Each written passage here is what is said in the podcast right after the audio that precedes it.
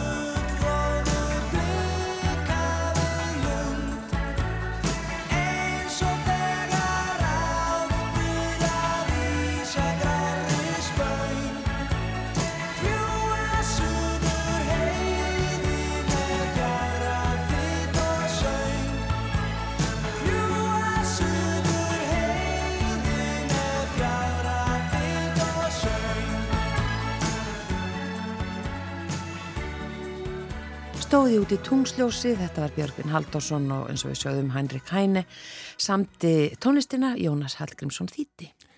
Og nú ætlum við að heyra viðtal við Elisabetu Kristínu Jökulsdóttur sem var áður í þættinum í júni.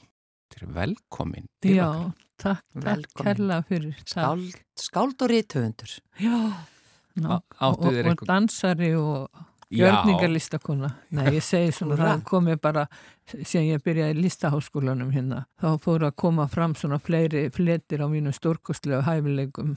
Já.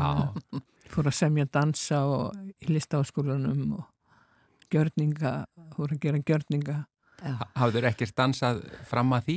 Nei, nei, alveg passa mig á því, ekki nema bara svona á böllum og, og, og þess áttar. Já.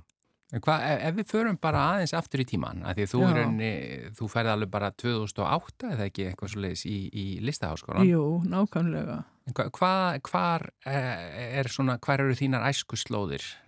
Heru, það er út á Seltjöndanissi, ég ólst þar upp. Og bara þar voru móar og tjarnir og, og kindur og hestar og og í þá daga og, og, tja, já, og fjara náttúrulega sem var æðislega fórum með pappa í fjöruna og skoðum, það var hús í hús þannig, skiprótsmannahús sem við kalluðum mm.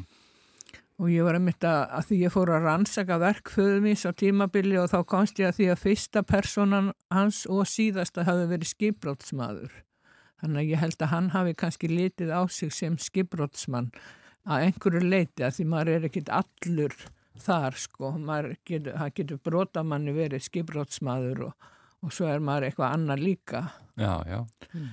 En þetta, þarna ólst ég upp þanga til að þau skildu pappa og mamma, þá var ég tíu ára og þá fluttu við Vesturbæinn í töfrahúsið á Drafnastík 3. Töfrahúsið? Já, það var svona leinihólfi kjallaranum og stór gardur og tveir skúrar og uh, annar fullur af veiðafærum og, og hérna mamma breytti setna í stofu og við hafðum þarna leikhús og leinifélag og og ég veit ekki hvaða fél og svo tókum við köngulæra á haustinn og settum í elspytustokka og settum inn hjá fólki. Þannig að við vorum ekki alveg beinlinis Í, í óþökk þeirra? Já, að sjálfsögðu. Já, já. Svo dingluðum við náttúrulega bjöllinni og hlupum í burtu. Þannig að við vorum algjör kvikindi greinilega sömuleiti en annars vorum við bara óláta belgir þannig Vesturbænum og Beindi Sóega saði að við eh, þrjú sko, ég ylli á hrappn, Kolbra sýsti mín, hún var svo pínur lítil, en ég ylli á hrappn væri svona þrjár línu langsokkur. Þannig að, að auðmingja mamma sko, að hún fór í vinnun og skildi okkur eftir og svo vissi hún ekkert hvað var í gangi þegar hún kom heim sko. Me, með öllum þeim prakkaraskap sem fylgir línu langsokkur? Hva, hver er aldursmunurinn á okkur? Ég er eldst sko, fætt 58, Já. svo kemur Lilli, fættu 60 og uh, Raffn, hann var fættu 65. Já. Hann er náttúrulega dáinn og uh, dó núna bara síðasta ári. Mm. Einmitt. Þið hefur verið uppáttækja sem sískin, en voruð þið náinn? Já, við vorum það, við vorum náttúrulega, þurftum að vera það, sko, við vorum svo mikið einn og, og elduði matinn, ég stekti kjötbollur og, og hérna, og pulsur og lærði það, sko, að mömmu að elda fyrir strákana og, og lillu sýstu mín, Anna Kolbrá. Mm -hmm. Í, í, hva, í hvaða skóla gegstu þá? Melaskóla. Já. Og fyrst í Mýrarhúsaskóla og svo Melaskóla. Og, og hvernig var skólagangan? Heyrðu, það var bara rosa einelt í gangi. Já, hann og ég átti búa bát. Já, sem þú varst fyrir? Já, sem ég var fyrir. Já. Og hérna, en maður ekkert neginn, ég byrjaði að skrópa í skólan og var mikið út af því og uh, faldi mig bara í raunum hjá af og ömmu og var með líkilega heimili af og ömmu og var bara þar voða mikið og Þannig að þetta var svona klíku stelpuhópur sem að lagði okkur sem vorum svona sér á báti sko einar einhvern veginn mm. fjórar, fjórar svona einar og, vorum ekki með neina sérstakka vini í bekknu. Ég kem þarna náttúrulega eftir skilna pappa mamma brotin eftir skilnaðin mm -hmm. og lendi svo í einelti.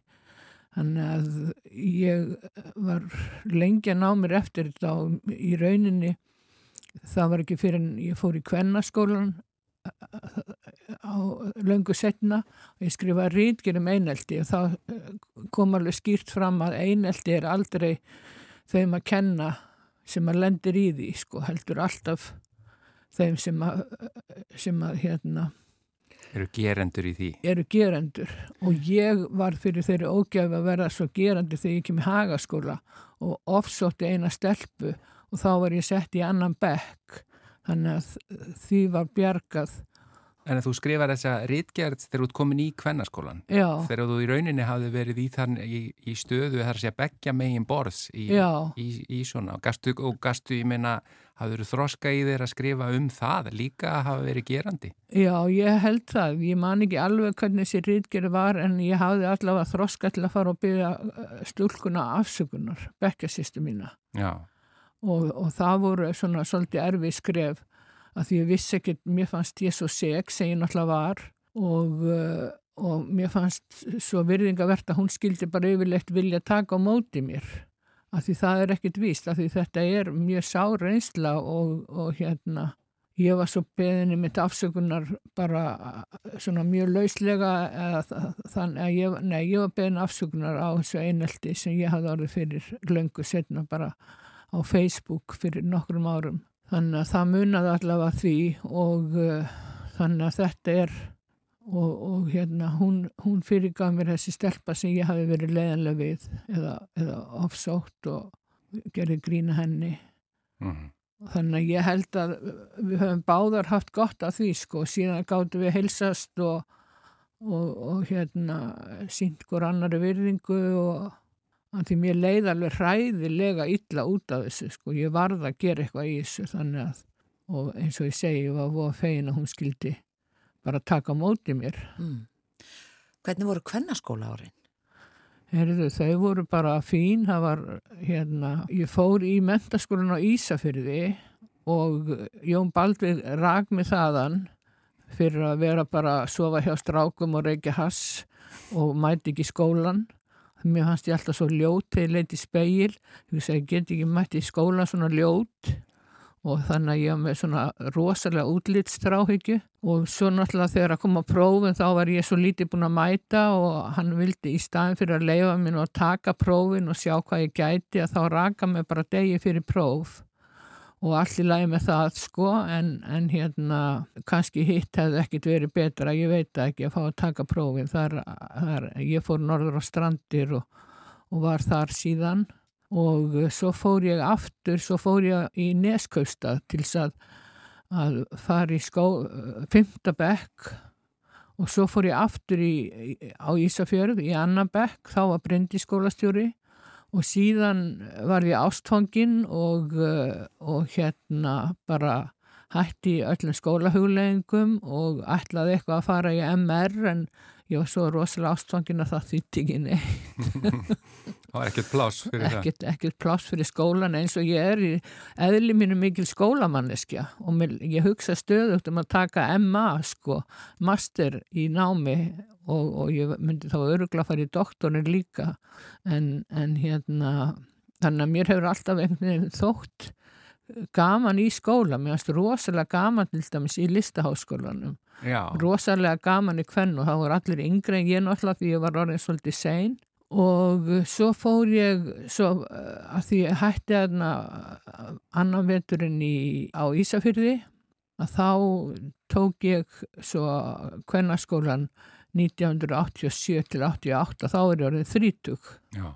Já. En þú fóst í, í listaháskólan eh, einmitt þegar þú ert orðin hérna, aðeins eldri en hinnir og langar núni í meistaranám Hva, hvaða meistaranám myndir þú vilja fara í þá? Ég myndi vilja fara í áframhald af sýslistum og eða í þjóðfræði. Já. Að, ég held að þjóðfræði sé svolítið skemmtileg og svona allt svona í gamla daga og hvernig ég var voðalega áhuga hvernig þessi þjóð er búin til og, og ég hef kannski alltaf, afi minn svona let mér alltaf hafa áhuga á því frá því að ég var bara lítil.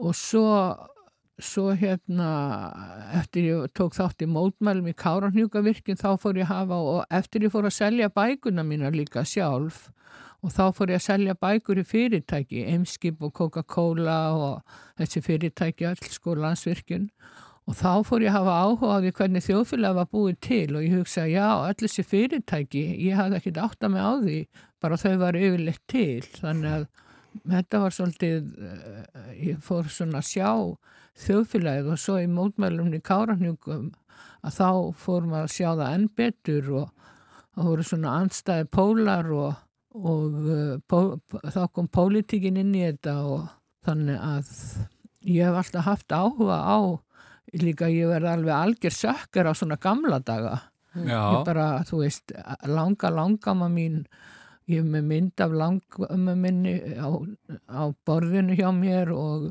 þú veist, ég hefði vilja hitta hanna og heyra hvernig hún var ástfangin og hvernig hún hafði þetta allt saman. Hvernig lífi var á þeim tíma. Já.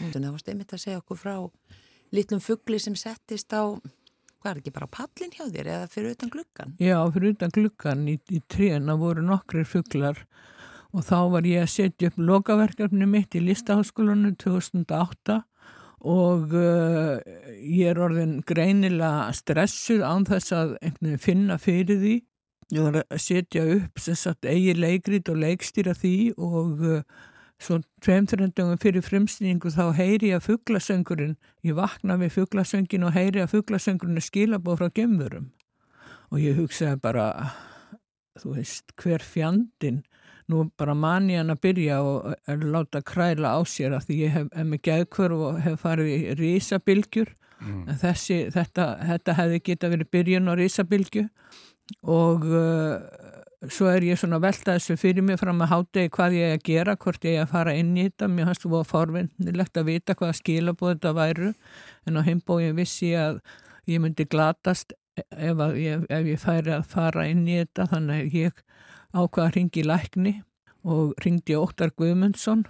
Hann sagði já já, ekkurat og og það er nú þannig og það er nú það og vill ekki taka henni eina sér okkur svona bara til þess að skapa jafnvægi og, og svo kvöttumst við og, og þá sagði hann að lokum en auðvitað veistu það Elisabeth mín að auðvitað er fugglasengurinn skilabóð frá gemurum Já, við vorum að tala líka um það bara hvað við lítum ofta á fugglasöngin sem einhvers konar skilabóð Já, já.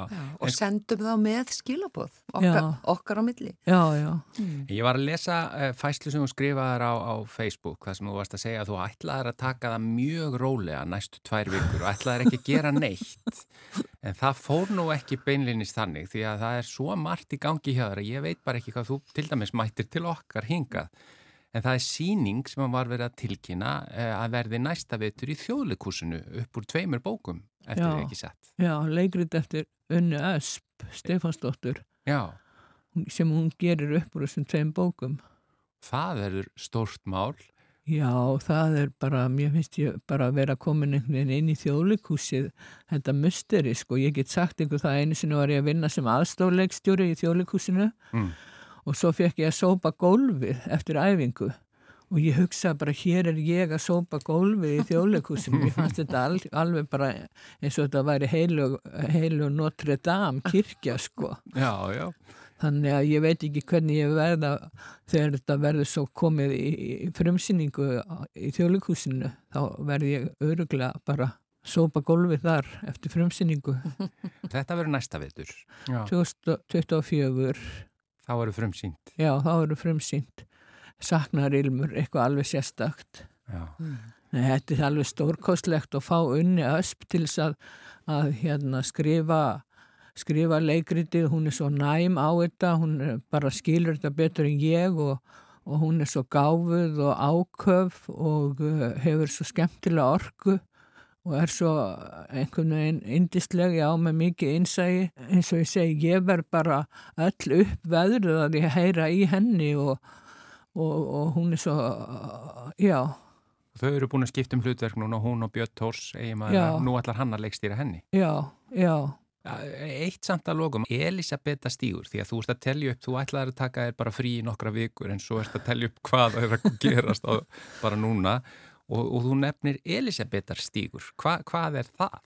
Herðu, það er stígur, það er ný gata eða stígur sem er búin til frá ringbraut að, að Solvallagötu og það er verið að byggja hérna mikið stórhísi og uh, þeir eru þarna með þetta arkitektarnir og, og, og í samráðu við náttúrulega byggingamennina mhm. -huh. og byggingaforkólvana mér fannst einhvern veginn upplagt, ég var að flytja þessum tíma með ægila heimþrá og mér fannst að væri strax betra að væri til þannig að Elisabetta stígur þannig á milli gamla húsins míns og þessa ferligi sem er að vera að byggja. Mér er alls ekki illa við þetta hús, sko, þetta, þetta stóra hús sem verið að byggja Já. en það stígurinn átt að heita Hoffmastígur en eh, eins og byggingafulltrún saði við erum orðin leiðir á að sé verið að skýra götur eftir gamlum dánum köllum þannig að við erum búin að vera að horfa á vinum minn setti upp skildi alveg bara professionál skildi Elisabetta Stígur á grindverki hjá sér þannig að það er ekki hægt að taka hann nema að vinna skemtaverk og, og hérna mér finnst þetta bara að fyndi það því ég náttúrulega setti svip á bæin þarna á vestubæin þú veist dansaði við steina og og, og hérna krakkar, þeir komu bara og bankuð upp á þess að okkur finnst þetta svo fallegt hús. Hver á heima hérna? Og þetta var svona stórkostlegu tími þessi 30 ár með týpuruna mína Garp og Jökull og, og, og hérna og Kristjón eldrirbróður þeirra. Þannig að Mér fannst alveg upplætt að láta þetta bara heita Elisabethastígur. Já, er þetta bara ekki komið? Ég, eh, Þú ert búin að tala við borgaríðveldi, þegar ekki? Ég tala við Einar. Já. Ef að Einar er að hlusta þá... Einar Þorstensson. Einar Þorstensson, þá er ég á leiðin að ringja hann aftur að því að ég hafa búin að kynna máli fyrir honum. Já. svo var ég einhvern veginn mistisaldri vonina en fóran um daginn og hitti byggingamannin og, og hann var svona jákvæð fyrir þessu þannig að þá fór ég að hugsa um að tala bara við einar aftur mm. því Fyrir... hann er að taka við er það ekki? Já, jú, hann, er, jú, hann verður borgarstjóri held ég frá með hvort það sé áramótum eða eitthvað slíkt hann er svona fórsetið borgarstjórn á núna já, Það er já. til uh, Elisabetar Hægi á Akureyri Í alvöru? Mm -hmm. mm. Herru þakka fyrir, það er þá bóti máli ef að En ég sagði þér í síman Stýr svo flott, stýr svo flottir drafnastígur Elisabetta stígur. Hljómar mjög vel, Hljómar mjög vel. En ég sagði þér í síman þegar þú varst að segja mig frá þessu ég sagði ætlaði að hafi nokkuð tíman einhver eh, allan að hér á landi barist fyrir því að fá uh, götu eða stíg nefnda í höfuð á sjálfinsur Það getur verið fyrsta skýti Já, ég er náttúrulega svo mikill egoisti en ég er svo skemmtilegur egoisti það gerir gæfu munin sko. Já. Þannig að, að hérna Við allavega, við erum mjög fylgjandi Já, við stýðjum þessu Við skulum berjast með þér. Takk fyrir, takk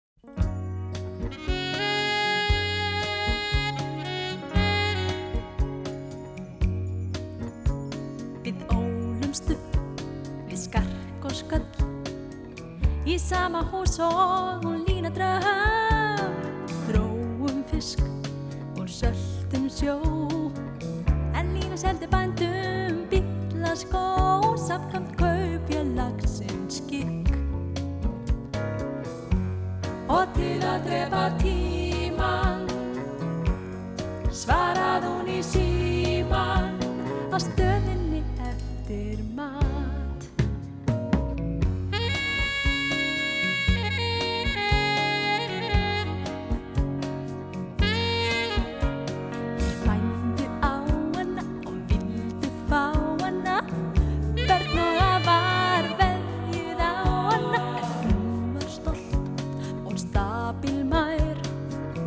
sauma heima kær sangvann kaupja lagsins með. Og til að drefa tíman svarað hún í síman hjá Jónasi eftir mat. Línadröfn, spilverk þjóðana lag og texti eftir þá Valgir Guðjónsson og Sigurd Bjólu Nú komið að vingli frá Guðjóni Helga Ólafsinni ágætu hlustendur. Við höfumst við að óska hverju öðru gleðilegra jóla fram á annan í jólum en svo verður nú hvaðan yfirleitt gleðilega rest og endist fram á gamlásta kannski, jafnvel ekki svo lengi. En það eru auðvitað allt í lagi ef við erum bara einlagi í þessu. Kannski er þið heimurinn skári ef óskjörum gleðilega tíð er þau almennvenja að því gefnu að við myndum þá öll meina það sem við segjum, virkilega. Ég hef reyndar enga sérstakka trú á gæsku alls mannkins um þessar myndir. En það kostar ekkit að vona. Leifum okkur það. Að því sögðu þá óska ég ykkur allara sem til mín heyrið gleðilegrar jólarestar og meina það. Vona að þið hafið átt gleðilegan og góðan aðfangadag, jóladag og annan jóladag. En eins mikilvægt og það nú er að hafa það gott um jólinn er staðrendin svo að síðustu dagarnir fyrir jól og jóladagarnir sjálfur eru gríðarlega streytuvaldandi fyrir þorra okkar sem höfum þennan síð í heðri. Ég er ekki að meina eitthvað krútlegt smá stress, heldur verulega alvarlegt ástand. Og fjöldi fagaðila hefur gefið góð ráð til úrbóta ár eftir ár. Líka fjöldi ráðgjafa sem ekki geta beinlýnist talist fagaðilar heldur hafa tekið það upp hjá sjálfu sér að, að leiðbeina fólki með ímis andleg, já, jábel líkamleg mál því langar að hafa áhrif á hegðun annara með það fyrir augum að kastljósið lendi á því sjálfu, annað veifið. Ætli sé ekki hluti á mannlegu eðli bara. En endilega ekki fara nú að segja neina vittleysu við fólk sem trúir því sem þið segið, eins og til dæmis að, leggja niður svoðin ananas á handlegsbrot svo að grói hraðar eða að sofa aðfara nótt þriðjudags með kramin rafn á enninu til að losna við mýgreni. Eins er alveg tilgangslust að hella tvígengisólífin í hanskahólf bifriða til að laga vendlabonk, sérstaklega á ramarspílum. Varandi blessu jólin, já eða aðfangadag, sérstaklega, það er góður tími fyrir mig í rauninni. Það þarf eiginlega ekkit að gera nema elda aðalréttin þann dag og hann er nú heldur af einfaldari gerðinni. Því örverpið hefur lagt blátt bann við öllum breytingum á jólamatseðli æsku hennar. Þá skal bera fram hamburgarrygg með gljáa, brúnaðar kartöblur, sósu og eplasalat. Ég hef nú alveg gaman að matarstúsi og, og nefniða stundum hvort við ættum ekki að prófa eitthvað annað í tilbyrningaskinni. En svarið er alltaf því sama. Já, er það ekki bara og eiðilegja fyrir manni jólinn.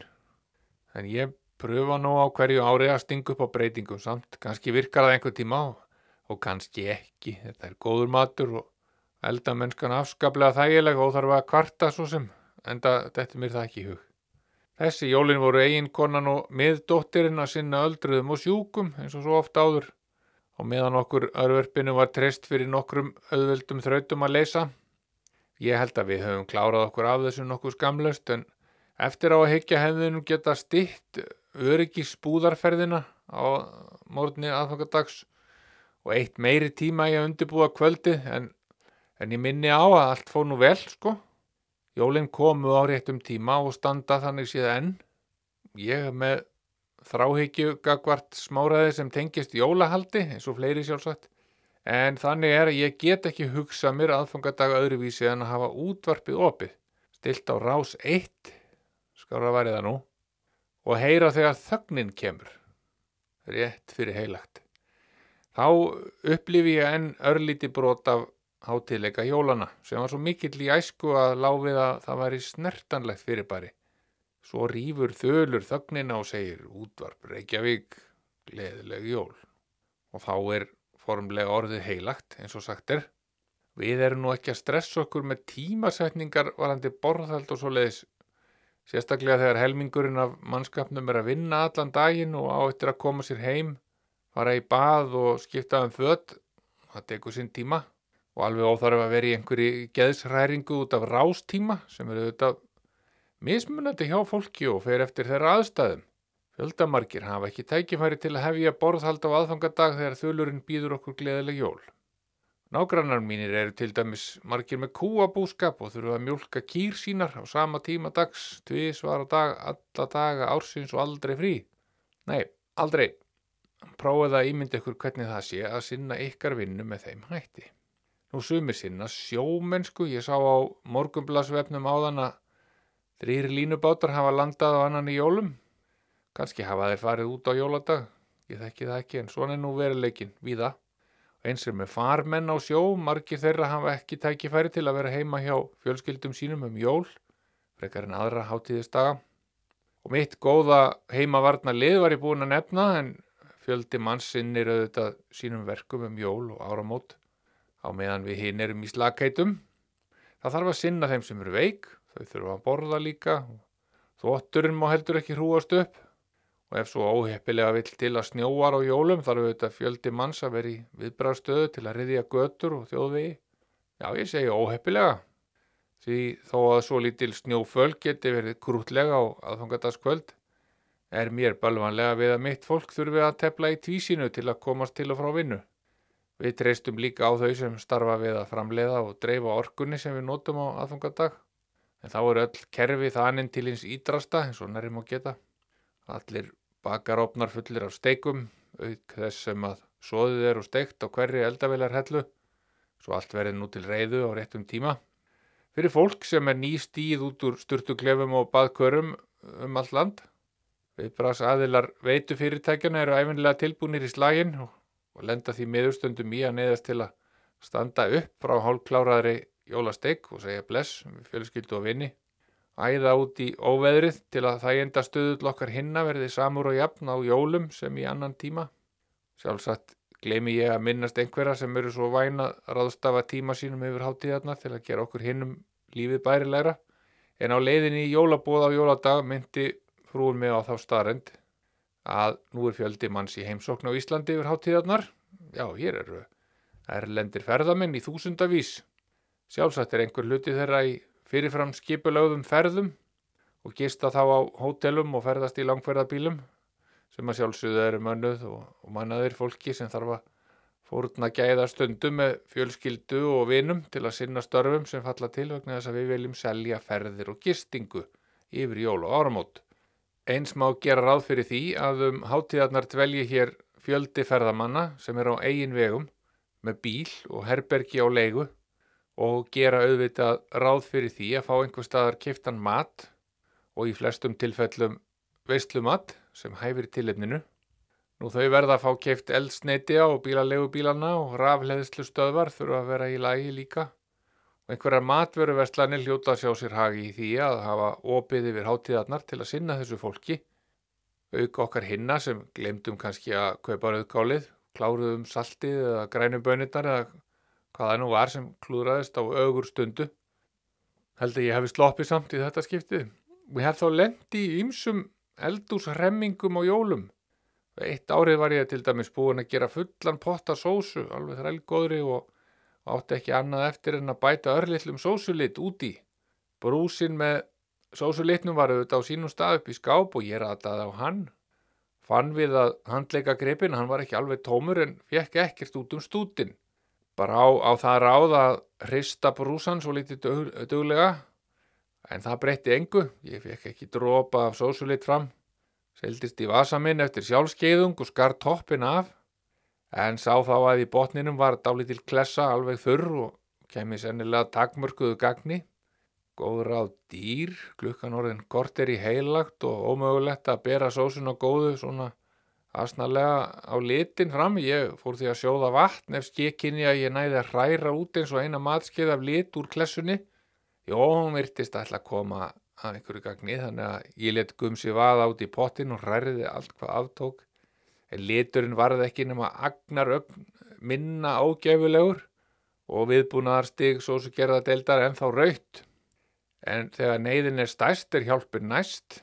Allt í hennu revjaðist upp fyrir mér atriði úr teiknimyndasögu um lukkuláka og Dalton bræður, minni mig. Þar sem meksikanska sósan Móle kemur við sögu, en eitt af innihaldsefnum hennar er vist dögt súkulaði. Maður var nú ekki svo forframaður á þeim árum að eiga dögt súkulæði, það kom ekki fyrir setna, en í búrskapnum var hins vegar forláta blikkdós með kakódufti og ég beigð ekki bóðana heldur hræði út lúdstert kakó með soðuna vatninu og litaði sósuna þannig. Hún varð aðeins beiskari fyrir vikið en ég sullaði ríflega af rifsberjarlaupi saman við og ettir og, og allir fengu sína jólasósu í réttum lit og, og höfðu ekki ja, fyrir núna hugmyndum þessar rengingar hjá koknum. Þeir kannski þegið bara yfir þessu við frúna samt ef skikk kynni að hún hefði ekki orðið vörfin eitt átum árið. Gleðilega jólarest, kæru hlustendur. Góðar stundir. Jólasnjó, sindrandi jólasnjó Jólasnjó, tindrandi jólasnjó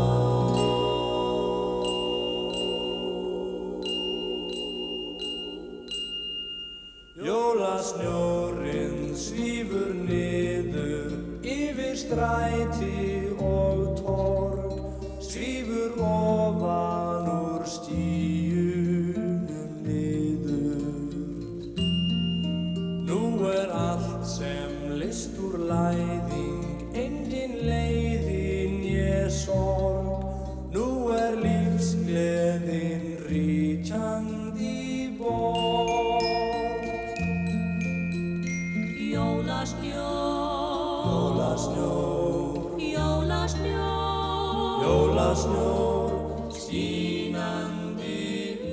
þetta voru sískinin Elli og Vilhjálmur Vilhjáms börn. Lagið heitir Jólasnjór og það er erlend lag uh, og tekstan gerði Jóhanna G. Erlingsson. Það er komið að lesanda víkunar og í þetta sinn er það Fríðgeir Einarsson, rítöfundur og leikskáld og leikari og ég veit ekki hvað það eru margir hattar sem þú borið undanfarið. Velkomin. Já, takk fyrir það. Ég er berhöðaður hérna samt í stúdíunum. Já, já, þetta var líka svona myndlíking hjá mér sko. Já, já, já. Já, þú veist, maður segir að fólk byrjir marga hatta. Emmitt, já. Titla gæti það verið. Já, rítöfundurinn skilur, skilur það, myndlíkinguna. Já, er það ekki? Jú. Já, ég, ég, sko, til að byrja með ætla ég að byrja um að fara í stellingar rítöfundar. Ok. Okay. Aðeins að spurja þig út í þína nýju bók. Hvað, þetta er, hvað, fynda bók? Nei, Jú, þetta er minn fymta bók, þriðja skáldsaga, já. ef, ef við erum að telja það þannig. Og, já.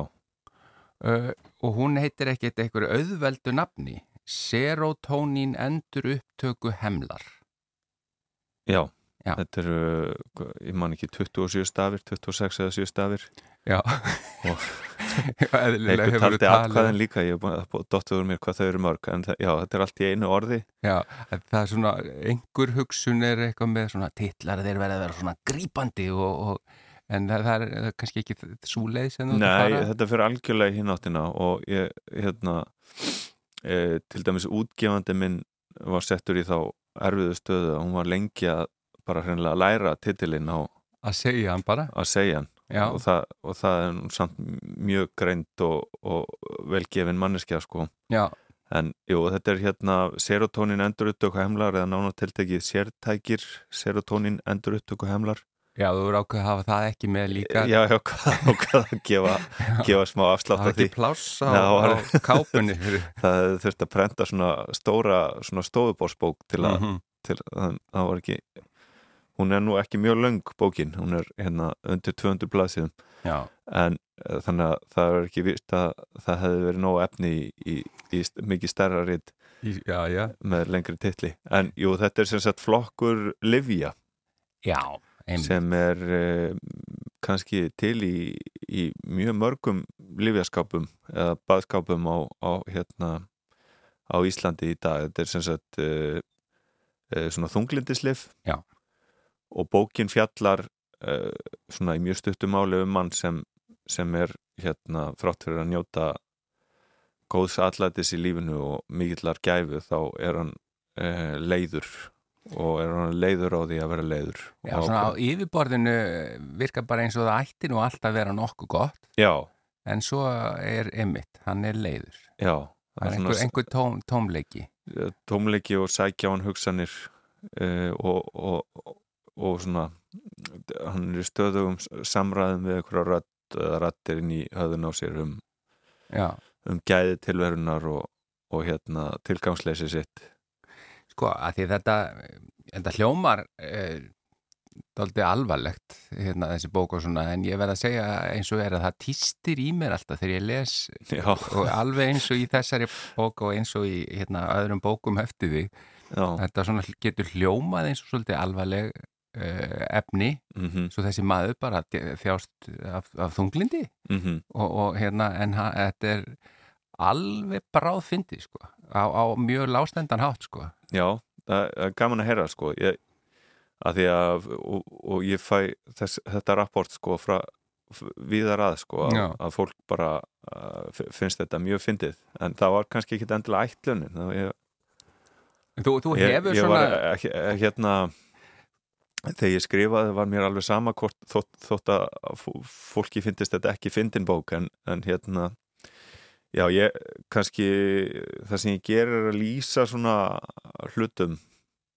Já. mjög nákvæmlega sko. Mjög nákvæmlega og blátt áfram og svona venjulegun hlutum. Já, en einhvern veginn þegar maður les þá með þinni rödd einhvern veginn eða hérna hvernig þú skrifar það þá, þá einhverju hluta vegna verða er allavega í mínum augum og eyrum að eru bráðfindni sko að því þetta, ég, ég tengi við einmitt. það sem maður verið að segja. Já, þó ég hef ekki hugsað það nákvæmlega svona og sem betur fyrir að því að það er svo gaman að fá það þá svona einmitt Þetta er hérna, Nei. og þú, ég, ég meina, þú skrifa svolítið um svona eh, menn sem að eru kannski smá, eh, já, ekki, ekki alveg sáttir eða eitthvað, eða þá, eða sigla bara einhvern sjó, einhvern, hérna, svolítið mikið lignan. já, þeir, já, þeir eru svona svolnar rólur svo ég Já, se- segi að það bara.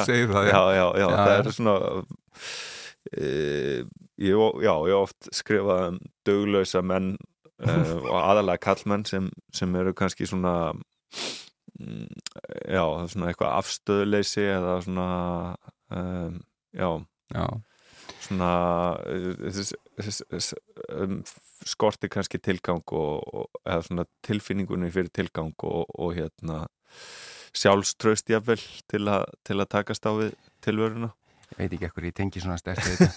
En hérna... Nei, ég veit ekki okkur ég skrifa alltaf um þetta Ja, en þú ert tvengin hingað, þetta er sem sagt serotonin endur upptöku hemlar, eh, en þú ert tvengin hingað sem lesandi vikur. Hvers, hvers slags einmitt. bækur lest þú helst? Já, sko, fyrir utan bækur eftir sjálf á mig.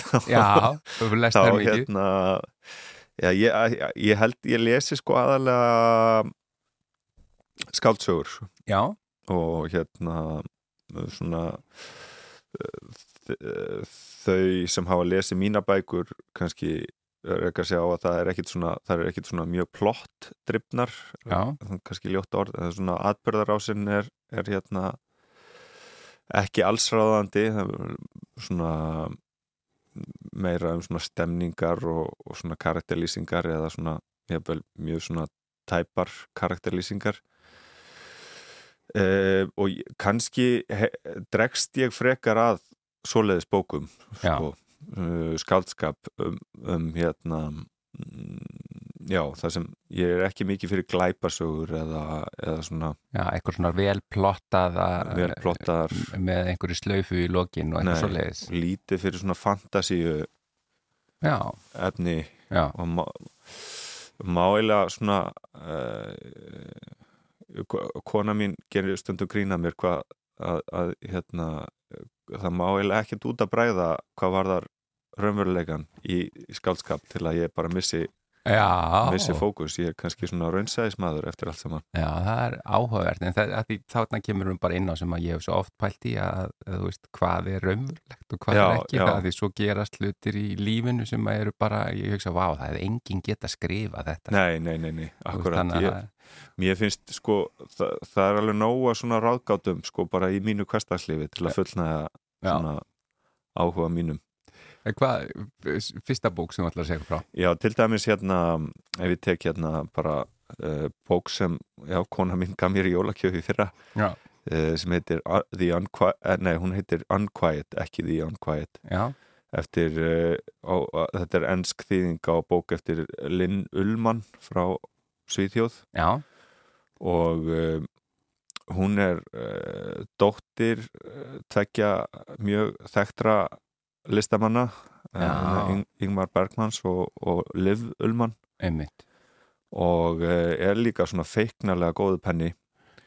Og er að í þessari bók er hann að segja frá sko hérna sambandi sínu við föðu sinn. Já, Ingmar Bergman Ingmar Bergman sem er náttúrulega mjög hérna fræg og stór persóna Já, bara eitt stærsta nafn í leikús og kvikmynda e, sögu Norðurland allana og jafnvel heimsins. Já, einmitt. Og hann, þetta hverfist svolítið um hann svona síðustu ár þar sem hann er hann er hérna hefur, hefur látið reysa sér eh, hús á eini eh, faru mm -hmm. eða fóru, ég veit ekki alveg hvernig maður segir það. E, og, og hérna það ríkir hann svona eins og kongur í ríkið sínu. Já, hann bara e, e, stjórnar gjörsamlega öllu og er greinilega mjög svona eins og kannski með svona leikstjóra, fræga leikstjóra. Hann er rosalega smámunasamur og setur reglur í kringum allt sem er svona jæðra við svona bara, Hann var þannig sem sagt. Svolítið og, og þá kannski pínu erfiður faðir eða hvað? Já, ég, ég held það sko, ég, hann er uh, hún virðist vera mjög kert til dóttur sinnar og, og henni til hans en, en svona er, þetta er líka sko uh, annar tími þar sem sko uh, hann er sko snillingurinn. Mm -hmm. þar sem kall, í, í þessum heimi er kallmaðurinn snillingurinn. Mm en Liv Ullmann sko sem var líka uh, Stórkostlega leikona stórkostlega leikona og, og hérna bara, já, bara ekki síðri listamæður sko. Mm -hmm.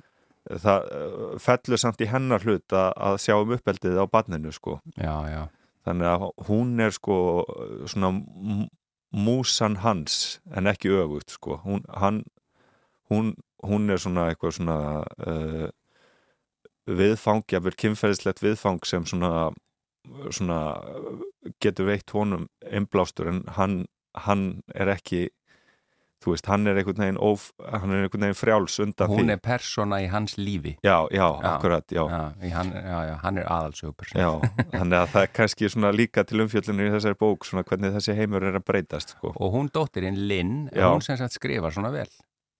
Já, hún er, hún er hérna bara frábær penni og, og lýsir þessu og þetta er svona mjög brotakent frásögn, þannig að þetta er ekki svona æfisagabeint eða, eða svo leiðis þetta er hérna og fer fram og aftur í tíma og, og hérna og dregur fram alls konar myndir og uh, já, hún, ég held að hún kalli þetta skáldsögu sko, þó að þetta sé greinilega mjög einblásið af kannski eitthvað frjálslega með.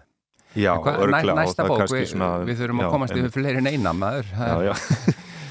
já ég, ég kom hérna, ég grýp bara hérna úr bunkanum, ég tók, fór bara í bókaskápin hérna frekar en að búa til lista. Mér finnst svona gott að handleika bækur. Já, uh, það er alveg sko tala á um- borðinu fyrir Já. fram að þig. En hérna er ég reynda með bók eftir Bergþóður Snæbjörnsdóttur uh, sem heitir Svínsöfuð en ég er, er langt síðan las hana. Ég bara fann ekki hérna duft Já, nýju bókina. nýju bókina sem ég hlýta að hafa lánað. Það Svínsöfuð er svakaleg, og, sko. og, og spurja um, já, Svínsöfuð er frábær bók. Já, en mínu viti er duft ennþá betri sko. já, hún er hérna uh, mjög svona já, mjög svona hún uh, hennar personur eru líka svona kannski, við tengjumst kannski að því leiti að hún svona uh, það er svona frekar svona uh, það er ekkert mjög geðfeldar svona, eða svona, svona á yfirborðinu ekki svona spennandi fólk sem er svona ekki endilega personur sem maður myndi vilja umgangast mikið. En er áhugaverðar. rosalega áhugaverðar Já, og, og dregnar upp með mjög svona áhugaverðum línum og dráttum og, og, og hérna býr til mjög fallega myndir í þessum ljótleika sínum. Ég held að ég var í hérna ég er hérna út um allan bæ að mæra þessa bók var um daginn, svo ég vísi sjálf mig kallaði ég, sagði ég að hann væri svona fallega eins og litrik mikla sagði ég við eitthvað bladamann sem var að spyrja mig Þetta var svo ég Ég vitni nú í sjálfanum. svo ég vitni nú í sjálf já, Já, heyrðu frábært. frekar en duft. að vitna í bókina eftir Já. Bergþóru, sko, að því að við höfum við erum búin að tala aðeins of lengi þannig að hérna, viltu svona stökkva á þessum bókum sem þú ert með, Já, ég, ég með ætla fyrst að tala um bók sem ég er ekki með ég hérna e, ég sem sagt e, er með vinnustof í Gunnarshúsi. Já, e, við hliðin á Bergþóru við erum hérna hlið við hlið í, í Svefnherbergjum Gunnars og Fransisku já, e, hjá Rítuundasambandinu en hérna bókin sem ég verið að lesa hvað mest upp á síðkastið er aðvenda eftir Gunnar Gunnarsson Já. sem er hérna ég, er að, ég var að taka þátt í leiksýningu Já. aðvendu einmitt, sem er náttúrulega og hún, hún hefur þar af leiðandi haft mikil áhrif á líf mitt síðustu mánuði sko.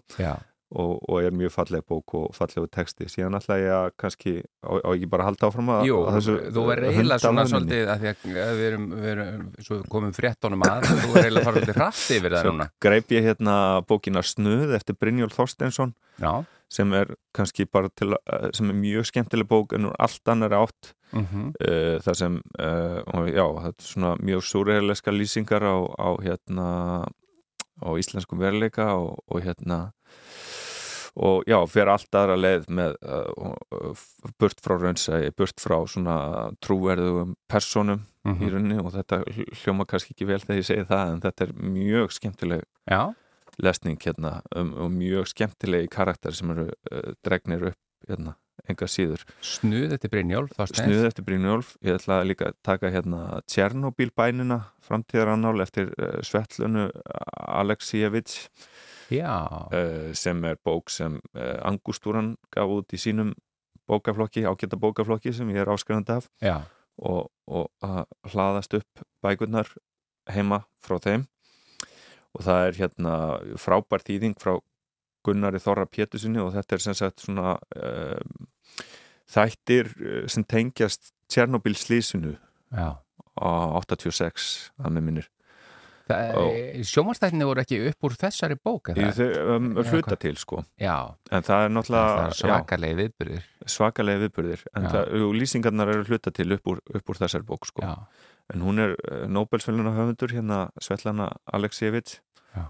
og uh, hún er vítrúsi uh, já, ég held ég segi það örgulega rétt. Og, og hérna, ta, já, talar við hérna aðalega fólk í Hvítarúslandi um, um hérna afleðingar þessar sliðs og, og tilurð uh, og lýsir svona hnignandi þetta lýsir hnignandi uh, valda ríki eða svona, já.